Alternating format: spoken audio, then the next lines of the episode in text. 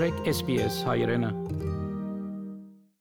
Ողջույն հարգելի ունկնդիրներ, անցած շաբաթը Հայաստանում, Արցախում եւ Սփյուռքում Ստեփանակերտ Գորիս ճանապարհը ադրբեջանցիները մի քանի ժամ փակ են պահել։ Հայկական կողմն Ադրբեջանին է փոխանցել ենթադրաբար Ղարաբաղյան առաջին պատերազմի 10 զոհերի ոսկրեր։ Երևանն ու Բաքուն հավաստիացնում են համառ ջանքեր են գործադրում կյանքի կոչելու խաղաղության օրակարգը։ Այս եւ այլ նորությունների մասին մանրամասն։ Դեկտեմբերի 1-ին հայկական կողմը ադրբեջանական կողմին է փոխանցել ենթադրաբար Ղարաբաղյան առաջին պատերազմի 10 զոհերի ոսկրեր եւ երկու քարտեզ, որտեղ նշված են 4 դիակների գտնվելու հնարավոր վայրեր։ Այսպիսով 2020 թվականի նոյեմբերի 9-ից մինչ այսօր հայկական կողմը ադրբեջանական կողմին է հանձնել Ղարաբաղյան առաջին պատերազմի 140 զոհերի ոսկրեր եւ 5 քարտեզներ։ Ստեփանակերտ Գորիս Մայրուղու Շուշի Խարին տակ Խաչմերուկի հատ հատվածում քաղաքացիական հագուստներով ադրբեջանցիները մի քանի ժամ փակ են պահել ճանապարհը, տեղեկացրել էր Արցախի տեղեկատվական շտաբը, հավելելով, թե բնապահպանական պատճառաբանությամբ են դա արել։ Ադրբեջանական կողմի մտադրությունն է փակել Լաչինի միջանցքը, հայտարարել է ազգային ժողովի նախագահ Ալեն Սիմոնյանը հավաքական անվտանգության պայմանագրի կազմակերպության խորհրդարանական վեհաժողովի խորհրդի համատեղ նիստում։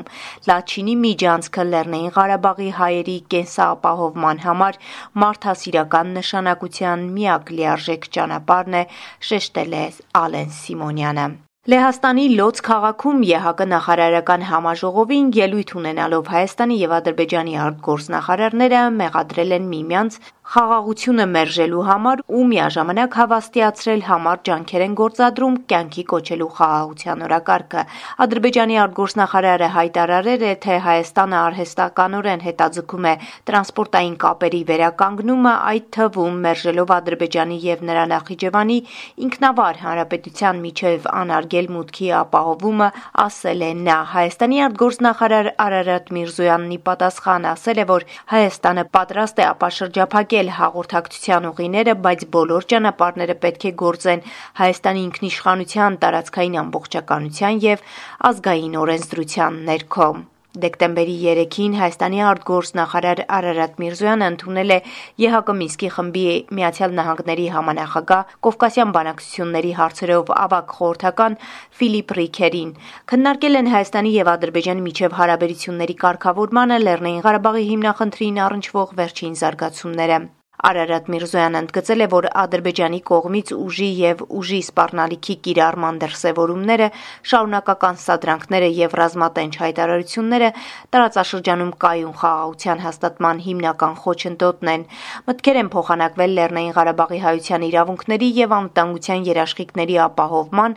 Ստեփանակերտի եւ Բաքվի միջև քննարկումների միջազգային մեխանիզմի ստեղծման վերաբերյալ, ինչպես նաեւ անդրադարձ է եղել Հայաստանի եւ Ադրբեջանի միջև սահմանա սահմանազատման գործընթացի, ինչպես նաև տարածաշրջանի տրանսպորտային ենթակառուցվածքների ապաշրջափակման վերաբերյալ։ Հայաստանի պաշտպանության նախարար Սուրեն Պապիկյանը չի բացառել հայ-ադրբեջանական սահմանային նոր էսկալացիան պատասխանելով Ազատություն ռադիոկայանի հարցին, սահմանային լարվածության աճը կարող է վերաճել նոր բախման։ Մի քանի 100 զինծառայողի կյանք խլած սեպտեմբերյան արյունալի մարտերից հետո պաշտպանության նախարարությունը գրեթե ամեն օր հայտնում է հրադադարի խախտման մասին ադրբեջանական կողմ կողմից։ Վտանգը միշտ կա,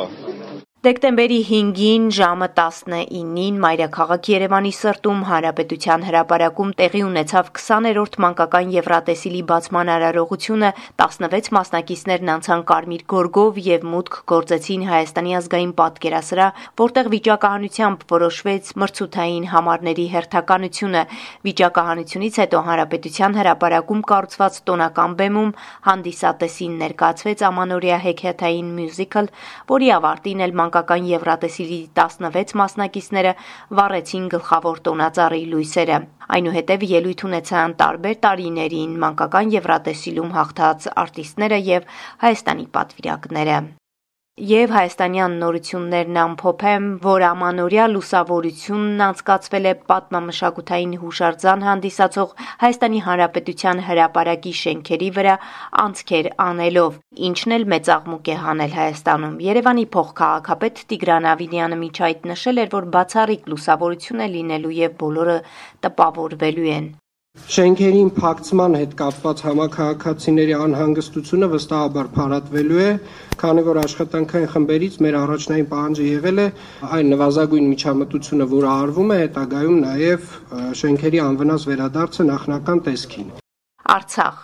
Ադրբեջանական կողմի հետ ավելի քան 3 ժամ տևած բանակցությունները տվել են դրական արդյունք Արցախը Հայաստանին կապող միակ մայրուղին երկկողմանի բաց է բոլոր տեսակի տրանսպորտային միջոցների երթևեկության համար, հայտնել է Արցախի տեղեկատվական շտաբը Ստեփանակերտ Գորիս մայրուղու Շուշի Քարինտակի Խաչմերուկի հատվածում քաղաքացիական հակոստներով ադրբեջանցիները դեկտեմբերի 3-ին մի քանի ժամ փակ են պահել ճանապարհը, թե բնապահպանական պատճառաբանությամբ են դա արել։ Ադրբեջանին վերջերս հանձնված Աղավնո համայնքի ղեկավար Անդրանիկ Չավուշյանը Արցախի հանրային հեռուստաընկերության հետ զրույցում ասել է, որ ճանապարհին 4 ժամ սպասելուց հետո վերադարձել է Ստեփանակերտ, ուզում էր գնալ Գորիս։ Լսենք նրան։ Հերթական անգամ Ադրբեջանի սադրանքներն են, որ ճանապարհը փակեն, ինչ-ինչ նպատակներով հələ հստակ չի, բայց փաստը մնում է փաստ, արդեն մեր հայրենագիցները հայրավոր մաշիններ կանգնած այնտեղ սպասում ենք ռուսների, ռուս խաղաբահների, որ իրավունք չկա այս այդպիսի բան։ Կարող հիվանդ կա, երեխա կա ավտոյի մեջ, ինչ հիմքով են պագում։ Երևի քաղաքական նպատակները իրենց լրատվականներ նկատում էր, ոնց որ ռոպագանդա է գնում, նպատակային այս ամեն ինչը։ Կուտակված մեքենաների վարորդները ասում էին. Բավուցա փակված ես երկու ժամ եկել եմ, տեղ չկար հետևը, եկել եմ առաջ է։ Ես եկել եմ արդեն վաղուց փակել։ Ժամը 1-ից եմ սպասում։ Խնդիրը ճիշտն ասած չգիտեմ ինչումն է։ Ասել են կանգնեք, սպասեք, սպասում ենք։ Ճանապարհի փակումից հետո անմիջապես տեղում է եղել Լեռնային Ղարաբաղի մարդու իրավունքների պաշտպան Գեգամ Ստեփանյանը նրա խոսքով մայրուղին փակելով Արցախում ապրող շուրջ 120 հազար մարդ ամբողջական շրջափակման մեջ է հայտնվում ադրբեջանական կողմը կեղծ պատճառաբանություններով եւ հիմնավորումներով, որ այս դեպքում բնապահպանական այս կամ այն խնդիրներն են, փորձում է խզել, կտրել կապը Արցախի հանրապետության եւ Հայաստանի հանրապետության եւ առհասարակ Արցախի կապը արտաքին աշխարհի հետ։ Լրատվամիջոցներով տարածվող տեղեկությունն առայն թե Արցախի հանրապետությունում տեղակայված Ռուսաստանի խաղաղապահ զորակազմի հրամանատարությունը համաձայն է ադրբեջանական մաքսային կետ տեղադրել Լաչինի միջանցքում, իրականությանը չի համապատասխանում այս մասին ասվում է Արցախի անվտանգության խորհրդի տարածած հաղորդագրության մեջ, նաև նշվում է, որ շրջանառվող լուրերը կեղծ են եւ չեն բխում Հայաստանի, Ադրբեջանի եւ Ռուսաստանի ղեկավարների ընդունած երակողմ հայտարարության դրույթներից։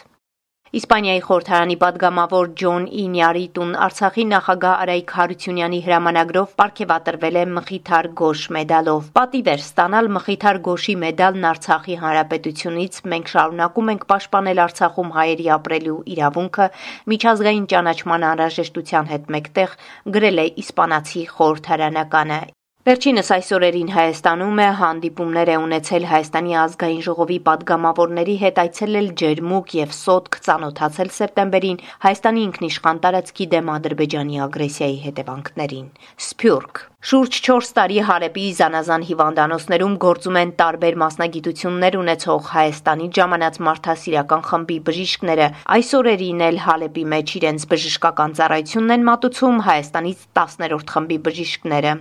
բավականին մեծ եւ ծավալուն աշխատանք է կատարում տեղի բժիշկների հետ միասին փորձում ենք ամեն ինչ հնարավորինս անել, օգնել եւ թե հայ բնակչությանը, թե ընդհանուր, հա, Սիրիայի բնակչությանը, Հալեպի բնակչությանը։ Մոտ 4 ամիս է գտնվում ենք Հալեպում։ Ես արդեն երրորդ անգամ եմ գտնվում Հալեպում։ Ցուցաբերել ենք մոտ 1000-ից ավել արդեն հիվանդների բուժօգնություն։ Սիրիահայ օգնության խաչի առողջապահական հանձնախմբի անդամ Մարալ Տերտարյանի խոսքով. Մեզի համար իրենց այս ներկայությունը մեծ նշանակություն ուներ, որովհետև հետ բادرազմյան վիճակն ալ շատ կարևոր էր եւ անոր հետքերը ժողովրդին վրա շատ սկալի էր։ Որակական հետ գնալ արդեն ցկեց մեր դրամադան ծառայություններում մեջ։ Գարզեմ որ այս համակորզակցությունը շատ-շատ կարևոր է Իրանի աբակային ալադի շարունակվի։ Բժշկական կենտրոնի տնօրեն Անի Գալտնյանը նշում է, Ուքան եւ այդ բժիշկները գուզեն, որ այս բժիշկը հոսեթեր մանավանդ գանացի։ Շաբաթը մենք գունենանք շուրջ 200 հիվանդ Ադամնապուժարանի հետ կապված թե դեղացի արաբներ են եւ թե հայ համայնք են Անցած շաբաթը Հայաստանում, Արցախում եւ Սփյուռքում SBS-ի հայկական ծառայության համար ամփոփեց Գիտա Էլիբեկյանը։ Կուզես լսել նման բանություններ, կընտրե Apple Podcast-ի, Google Podcast-ի, Spotify-ի վրա, կամ որտեղեն որ podcast-ը դուք լսես։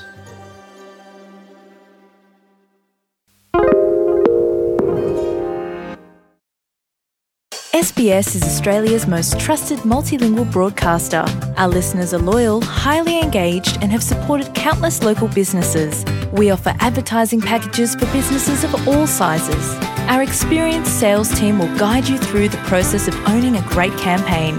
Bring your own ad or have our production team make you something in one of our 68 languages. Start the conversation with your new audience today. Email sales at sbs.com.au.